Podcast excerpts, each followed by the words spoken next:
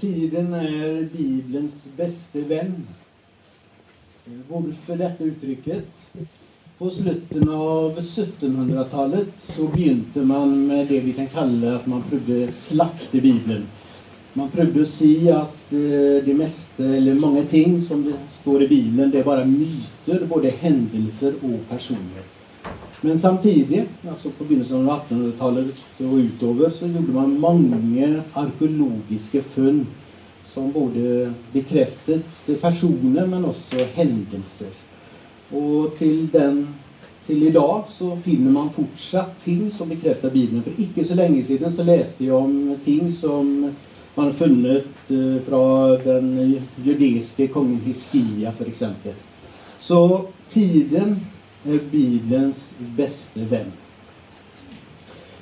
Under detta föredrag kommer jag si, snacka mycket om leirtavlor eller kileskriftstavlor. Det är i olika störelser på dessa kileskriftstavlorna. Och varför heter det kileskriftstavla? Det kommer av utseende på dessa tavlorna, eller på skriften.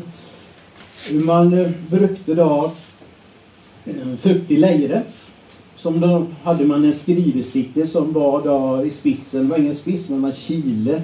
Så laget, trycket man då in eh, dessa tegnerna. Som då kan vara en stavelse eller det kan vara ord. Eh, det vi kommer nog snacka om mycket det är akadisk eller babylonsk, assyrisk kommer vi snacka mycket om. Som sagt så dessa tavlorna är stor, stor forskel på störelsen. Jag önskar första gången jag var i British Museum. Då hade jag läst, studerat nya om vannflomslegender. Och jag gick och letade efter Gilgamesh-eposet. Och jag trodde då att på den tiden var det inte internet så jag hade inte sett bilder på den måten av Gilgamesh-eposet. Jag gick och letade efter så stor tavla men den var så liten. Och det får plats väldigt mycket på dessa små tavlorna som vi senare ska se. I källaren på försäljliga museer så finns det över en miljon slika kileskriftstavlor. Och man har inte översatt en brökdel av det. Och det som är intressant är att många av de tavlorna då som man har översatt bekräftar Bibeln och bibliska, bibliska personer och bibliska händelser.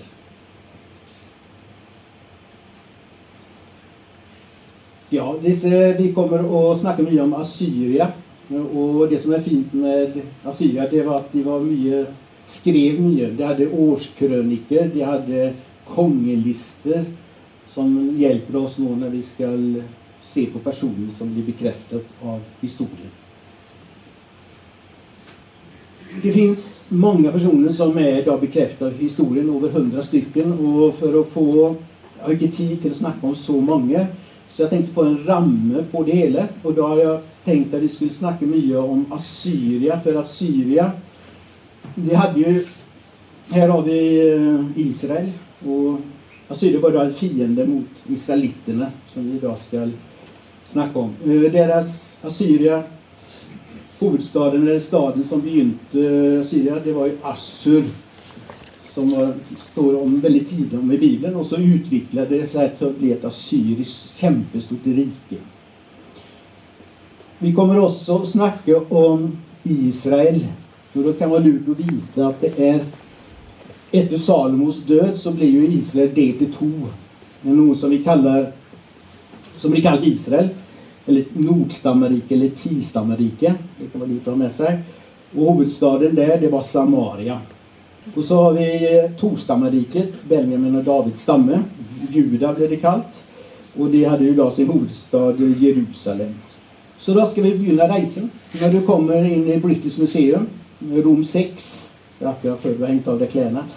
Så kommer du till Rom 6 och där möter du den här steinpilaren eller den svarta eller black, eh, svarta obelisken blir den kallt. Den eh, blev rejst upp av en eh, konge som heter Salmanassar den tredje. Man fann den i eh, byn eh, Nimrod i eh, 1846. Det var en som hette eh, Henry Layard, en känd arkeolog som fann den. Och den blev då fraktad till eh, British Museum som man kan gå och se på idag. Det är fem bildserier faktiskt. Och den här är rejst upp eh, runt omkring år 800 för Kristus. Så för 2800 år sedan cirka, den laget och satt upp. Det är fem bildserier på var sida, så är det 20 bildserier. Och här ser vi alltså Shalmanassar den tredje. Och här är det en land som då böjer sig för denne eh, kungen. Och texten här, där står det Tribut från Jehu jag mottog av ham sull, gull, en skål av gull, en gullvase, med tillspissat bunn, guldbägare, guldspann, tim och en kongestav. Det är det som då står på akadisk. Tribut, vad är det? Det är en avgift som man gav för att kanske få fred eller samarbete med en, eh, en annan nation. Så på en måte betalte man sig fri. Så den här Jehu, han ville då betala sig fri slik att de eh, skulle gå ifrån det landet. Och Jehu, vem var han?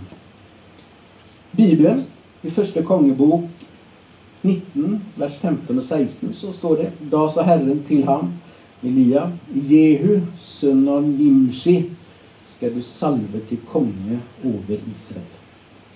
Så det ju fantastiskt. Här kan du alltså se en bibelsk person för 2800 år sedan.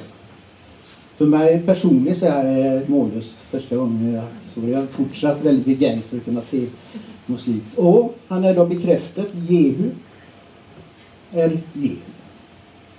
Så det är den första personen vi ska se på. Vem var han? Han är nämnd många gånger i Bibeln.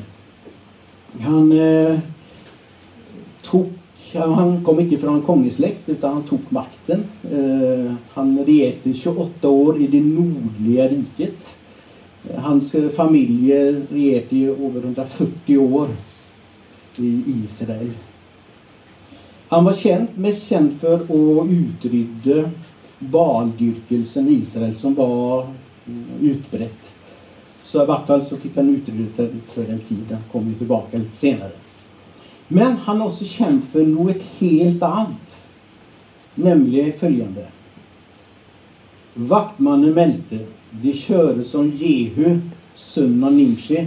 Han körde ju som en gal.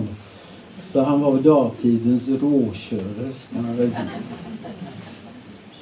På denna eh, svarta obelisken så är det också en annan person som är nämnt. Jag, Salmanasser den tredje, krysset Eufrat Hasal från Damaskus tog upp kampen. Eh, Syrien, alltså Damaskus var ju då eh, huvudstaden i Syrien och Syrien låg nord för Nordrike Så assyrierna, det kommer alltså från nord och först håller det på med eh, Syrien och sen går det också mot, eh, mot eh, Israel. Hassar är han nämnt i Bibeln. I Första Kongebok eh, 1915 så står det Då sa Herren till han, alltså en utsändning från Gud. Gå tillbaka den vägen du kom och ta så vägen genom öknen till Damaskus. När du kommer dit ska du salva Hasael till kongen. Och han, den här kungen, han som blev då Hasael till, som blev kung, han var i begynnelsen en tjänare för eh, kungen i eh, Syrien, Ben Haddad den andre, som var tjänare. Och han kom på tronen på en speciell måte. Hazael tog ett kläde, dyppet i band och pressade det mot kungen, eh, alltså Ben Haddad den andres ansikte, och han döde. Och Hazael blev konge efter han. Så detta var måten han kom till makten, det att dräpa kungen. Det var också vanligt på den tiden att de dräpte varandra. Inte varandra, men den efterföljande måten man kom på makten var ofta vid att dräpa någon.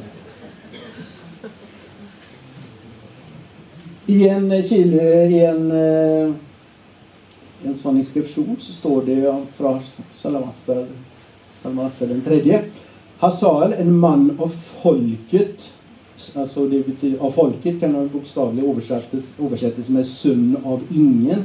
Han övertog tronen. Det stämmer ju gott för att eh, han var ju en tjänare som då blev konge. Alltså en son av ingen. Han var inte någon kunglig släkt. Och Hazael blir då, som vi läste i skriftstället, Hazael, så han blir då bekräftat av arkeologin, den här kungen också. Så de håller på här, här i Damaskus. Så här är det ju att slåss mot... De har ju varit här och snackat med Jehu. Så nu har vi... Så ska vi eh, fram par hundra år, eller hundra, 200 år i tiden. För då ska vi träffa en ny asylkonge. Han heter Tigla Peleser. Min kone hon ska tugga försäljare namn så den här kallar hon Pilla dig i näsan. Så synger lättare att fuska. Så Tiglat Peleser. Det kommer säkert fuska det några. Pilla dig i näsan tre. Han var en krigarkonge. Han eh, var med på att göra, Eh, göra att Asyrriket blev så stort som det blev. Han kom sannsynligvis heller icke från kongemakt. Han var en tronsraner, tror man i vart fall. Man vet inte så mycket av han för att en senare konge som heter Asarhaddon, som vi kommer tillbaka till, han ödelade mycket av det Tiglat Pileser skrev. Och det var faktiskt väldigt ovanligt att man ödelade andra kongers, i assyriska kongers Väldigt speciellt. Han är idag nämnt i Bibeln. Eh, då står det i första krönikebok 5.29. Då ägget Israels gud, Assyrierkungen Tiglat Pileser mot dem. Han som det också, eh, alltså det är också kallat Pul. Eh, det som är intressant är att i assyriska kongelister så har han brukade namnet Tiglat Pileser men också namnet Gud. Man vet inte varför han har två namn. Det kan vara att när, då han tog, alltså före han tog eh, kongemakten så hette han Hul. Men så tog han detta namnet Tiglat Pileser för att Tiglat Pileser var en kämpestor eh, krigarkung i Assyrien. Så det var nog en grund att han valde att ta det namnet. Och därför heter han också då, man kallar han Tiglat Pilesen den tredje. För att det var den tredje som hade det namnet. Han omtalas eh, eh tio, tror jag tänkte tio gånger i Bibeln. Så han är också känt. Eh, Assyrierna, eller Tigla-Pileser, han går emot Israel två gånger. Och den första gången kan vi läsa om här i en kongbok 1519. Assyrikongen Pul gick till angrepp på landet. Då gav Menahem han tusen talenter sölv för att han skulle stötta honom och sikra honom kongedömet. Menan, Menahem, han var en brutal konge. Eh, man kan läsa om han gjorde några förfärliga ting. Och han tog också makten med att dräpa en annan kung. Tio talenter sölv, det är i dagens värde 45 miljoner kronor. Så han köpte sig fri här, för det var ju första gången då assyrierna, eller Tiglat Pileser kommer med sin här. Och då ser han sig nött till att köpa sig fri. Vad säger då assyriska inskriptioner? Tiglat Pileser han säger Jag mottog tribut från Menahem av Samaria söder. Så här har vi både personen bekräftat. Vi har eh, både både Tiglapileser, han ser ju detta, så han står i Bibeln. Menahem var ju den kungen i Israel. Och att han betalat den skatten, avgiften, eh. Tiden går, så kommer då, han, han drar ju därifrån och så kommer han tillbaka. Så står det i Jan kongebok 15 på den tiden Peter var konge i Israel kom Assyriekongen Tiglat-Pileser och tog Hasor, Gilead och Galilea, hela Naftalilandet. Och han förde folket bort till Assur. Då fick Hosea i stand en sammansvärjelse mot Peka och Sea slog honom ihjäl och blev konge i hans städ. Här ser vi alltså, vi ska ta det i en lång sättning här, eller lång vers. Det är alltså en konge Peka, han tar makten. Men så kommer Hosea och dräper då Peka och han tar då makten. Vad säger då assyrisk eh, inskription? De israeliterna styrtet sin konge Peka och jag satte Hosea som konge över han. Det här får vi också bekräftat namnen och en händelse och det ser ut som då att Tiglat Pileser tar äran för att Hosea fick makten. Och Peka han var inte heller något speciellt. Han var en, eh, han var en vapenbärare för kongen. Så han såg sitt snitt till att bli konung. Det står att han, Tigla-Pileser, tog Hasor, Gilead, Galilea, hela Naftalandet och han förde folket bort till Assur. Och det är det som eh, assyrierna gjorde. De tog en del av en befolkning, flyttade den till Assyria. Men så tog de också andra land och andra folkeslag och då tog de flyttade det folkeslaget till Israel. Israel. Och det blev upplandet och till slut blev det det vi kallar samaritanerna. Så det var en blandning mellan israeliter som var då igen i Israel och andra folkeslag. Här ser vi en som till höger. Han heter, den konge i Assyrien, han heter Sargon. Det står det Assyriekongen Sargon sände sin härförare av städ och då han kom till Ashdod angrep han byn och intog den. Det står alltså i Jesaja kapitel 20, vers 1. Han, Sargon, eh, fram till 1843 så sa man att Sargon är bara en myte. Det var en svärt vanlig uppfattning. Men se 1843 så är det en fransk arkeolog, eh, Emile Butta, som då bytte grava och fann en by som heter Korsabad som ligger i Irak. Och då fann han eh, Sargon. Och Sargon kan vara sonen till eh, Tiglat Peleser. Men det är, eh, andra menar att eh, sannolikt är han också en tronraner för hans namn heter, är egentligen Charukino som betyder san, den sanne konge eller rättfärdig konge. Och han skrev väldigt lite om andra kongar men mest om sig själv. Så man tror kanske att han var en tronsraner som de flesta verkar att vara. Man fann, när man började då grava så såg man, så såg man att detta var ett enormt område. Han, eh, arkeologen, han, det, man fann det eh, två mil nordöst för Nineve så fann man ett platå 7,5 meter högt. Och det var på 100 000 kvadratmeter, alltså 100 mål.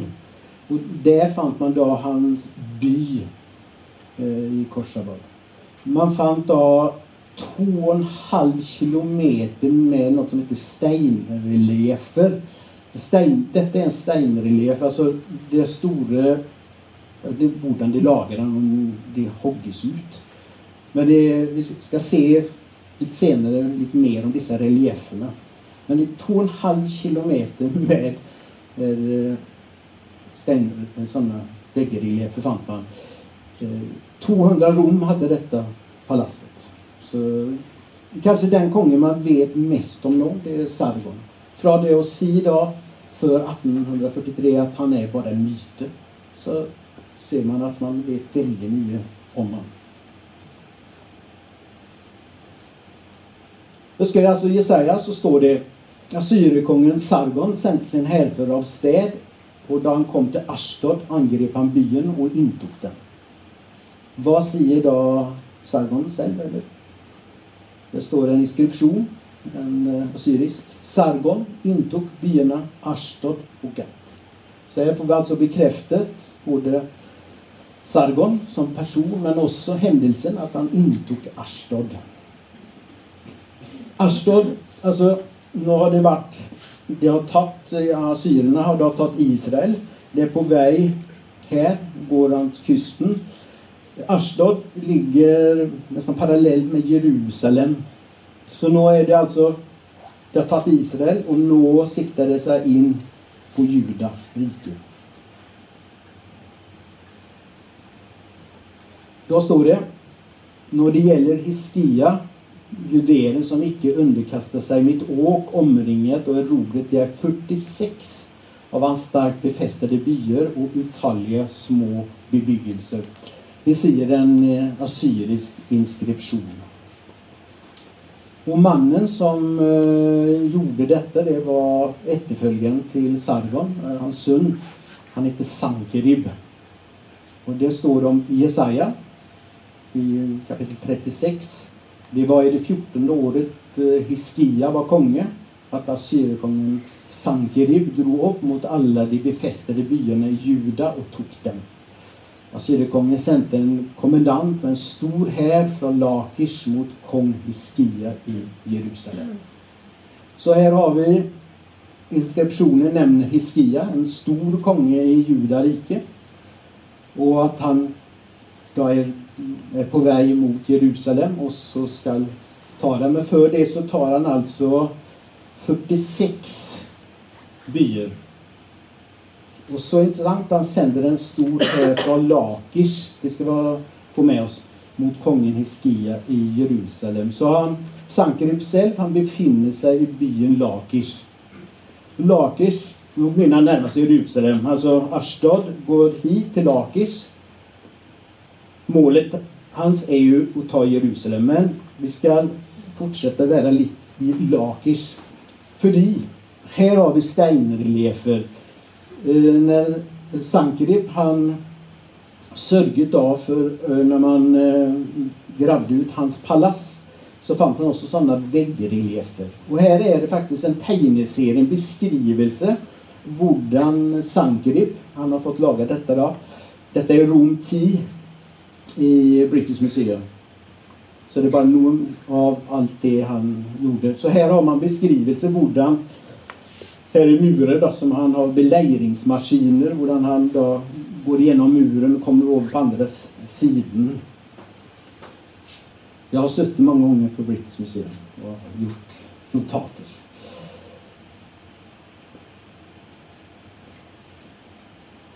Det var Bibeln omtalar syrerna som ett våldeligt folkeslag, eller när de krigar.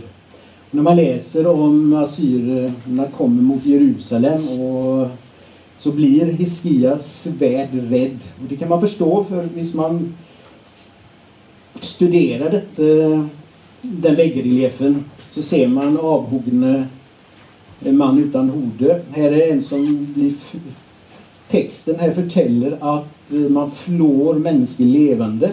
Man spydde dem. Man gör helt förfärliga ting med dem. Så man kan förstå då att Bibeln säger att det var våldliga som vi ska komma tillbaka till. Mannen som då står bak det hela, han heter då Sankerib. Han är i mitten. Vi ska ta ett närbild på honom här nu. Där, där sitter han. Och så står det i inskriptionen över han så står det Sankerib, kung av världen, kung av Assyria, satt på sin tron och så byttet fra Lakish passerade. Så här har vi alltså också bekräftat Sankerib från Bibeln, Lakish och också händelsen. Detta är en väldigt speciell eh, inskription. Den blir kallad Taylor-prismen. Den blev funnet i Lakish av han Henry Layard i, på 1840-talet. Eh, det var en, den heter Oberst, eh, den heter Taylor-prismen för det var en Oberst Taylor som köpte den och så gav den, tror jag, som gav, den, gav till British Museum. Den är cirka en halv meter. Eh, skrivet på många sidor. Tättskrivet. Och när de vill översätta den så må de översätta målbevisst de kände i Bibeln. För det är en för, assyrisk förtällning från en biblisk förtällning. Så man sammanlignar så blir man slått av förundring. För exempel så säger han eh, Sankerib, han, Hiskia, själv stänka inne i Jerusalem hans kongliga by som en fugl i bur. Jag omgav han med vaktposter och gjorde det omöjligt för någon att komma in i eller ut av hans by. Så här är han på väg och ska inta Jerusalem. Bibeln säger så säger Sankerib, Assyrias konge, vad är det dere stoler på sedan dere roligt lade det kringsätta i Jerusalem? Så här har vi den bibliska förtällningen och här har vi den assyriska förtällningen. Det står, eftersom jag eh, koncentrerar mest om personer här så kommer jag inte nämna så mycket eh, andra sammanligningar. Men eh, i en guidebok jag har lagat till British Museum så finns det många likhetspunkter. Både så då får du se vad Bibeln säger och vad den här Taylor-prismen kommer om händelser. Då. Men vi koncentrerar oss nog mer om personer. Vad skedde då med han eh, samtidigt?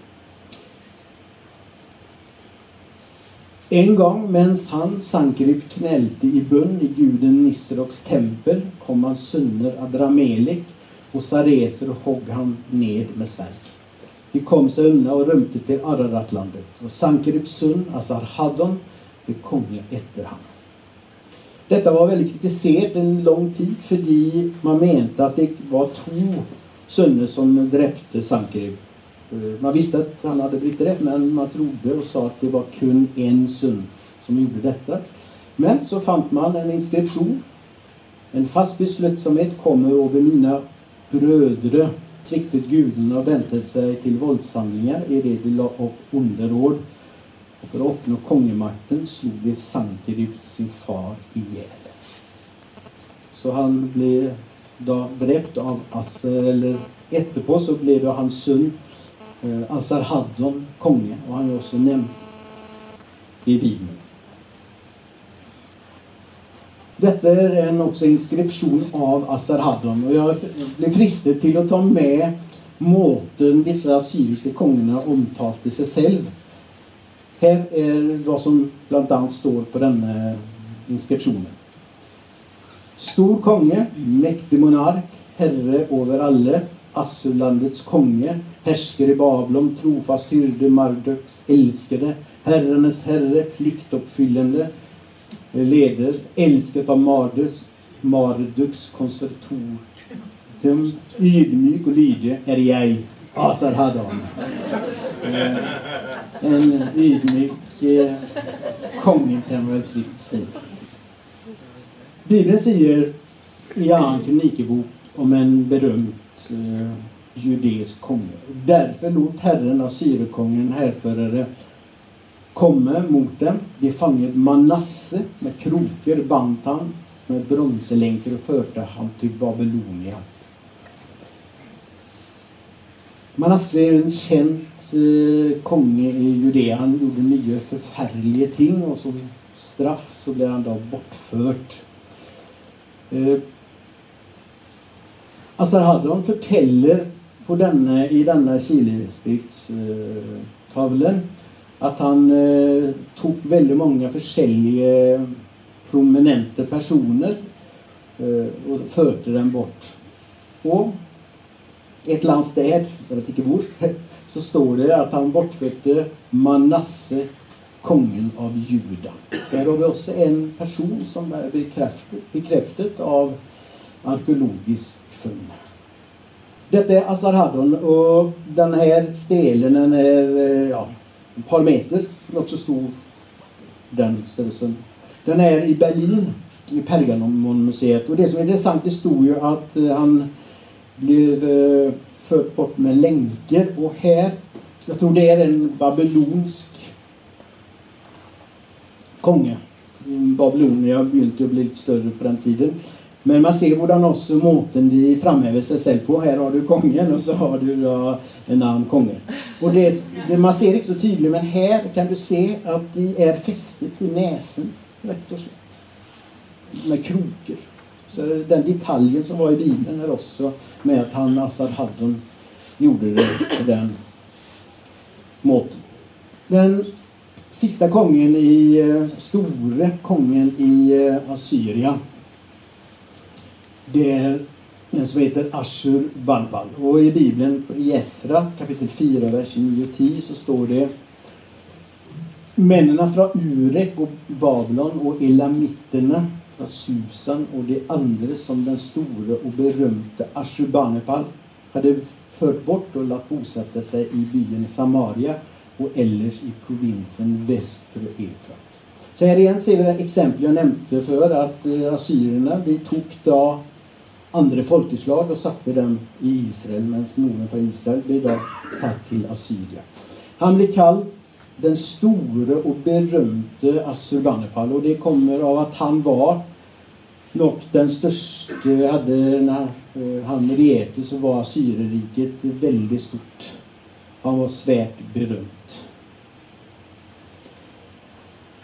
Det stod, det ska vara med oss, alltså han förde bort elamiterna från Susa och så förde dem till Samaria. Men icke alla elamiterna kom dit.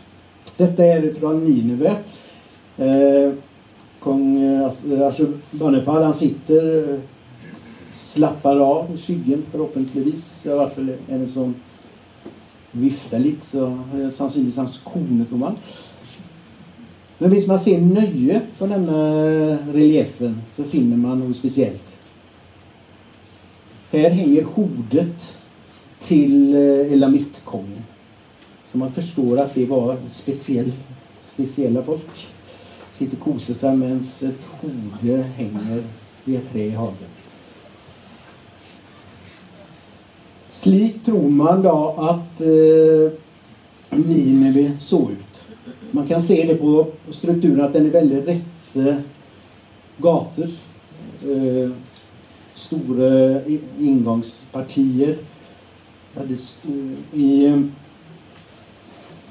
så står det i eh, Bibeln, Nahum 3. Ve, den blodiga byen, den är full av lögn och våld. Och det stämmer ju gott överens med det vi har sett så långt. Den är full av lögn och våld. Då kommer eh, dessa babyloner som vill ta mer och mer makt. Och detta är en babylonsk krönike. Och i den står det följande. De förde väck det väldiga bytet från byn, alltså från Nineve, och templet och förvandlade byn till en ruinhög. Det var det som skedde. Vad säger Bibeln? Han räcker ut handen mot nord och ödelägger Assur eller Assyria. Han gör Nineve till ödemark, törr som en öken. I Sefania kapitel 2, vers 30. Hur ser Nineve ut idag? enorma byen. Vem trodde att den skulle kunna bli ödelagt på den måten? Jag har tid till en ting till, för, och det har inte med Assyrien att göra, men det har med Babylon att göra. För Babylon det var ju det världsriket i förhållande till israeliterna som tog över makten och, det var ju de som till slut ödelade Jerusalem. Och när jag såg den här som vi nu ska se på första gången eh, så blev jag mållös. I Bibeln så står det han, och då har jag gjort fel där, det är icke Merok Baladan, det är eh, Evil Merodak. Så vi ska notera eller ta bild så husk på det att det är fel jag har gjort där. Alltså han, Evil Merodak, detta från Bibeln, Jeremia kapitel 52. Han, Evil Merodak, visste han, alltså Jojakin, alltså det var en konge, Jojakim bland också kallt, men han tog namn, kortversionen Jojakin, vänlighet och gav han plats högre uppe än de andra kungarna som var hos ham i Babylon. Jojakin fick ta sig av sig fångedrakten och sedan spiste han stadigt vid kongens bord så länge han levde. Och det han trängte till livets uppehåll fick han regelmässigt av Babylonerkongen dag för dag så länge han levde, helt till sin död. Så Jojakim han fick en god behandling av denne Evil Merdak i Babylon när israeliterna kom ut i fångenskap.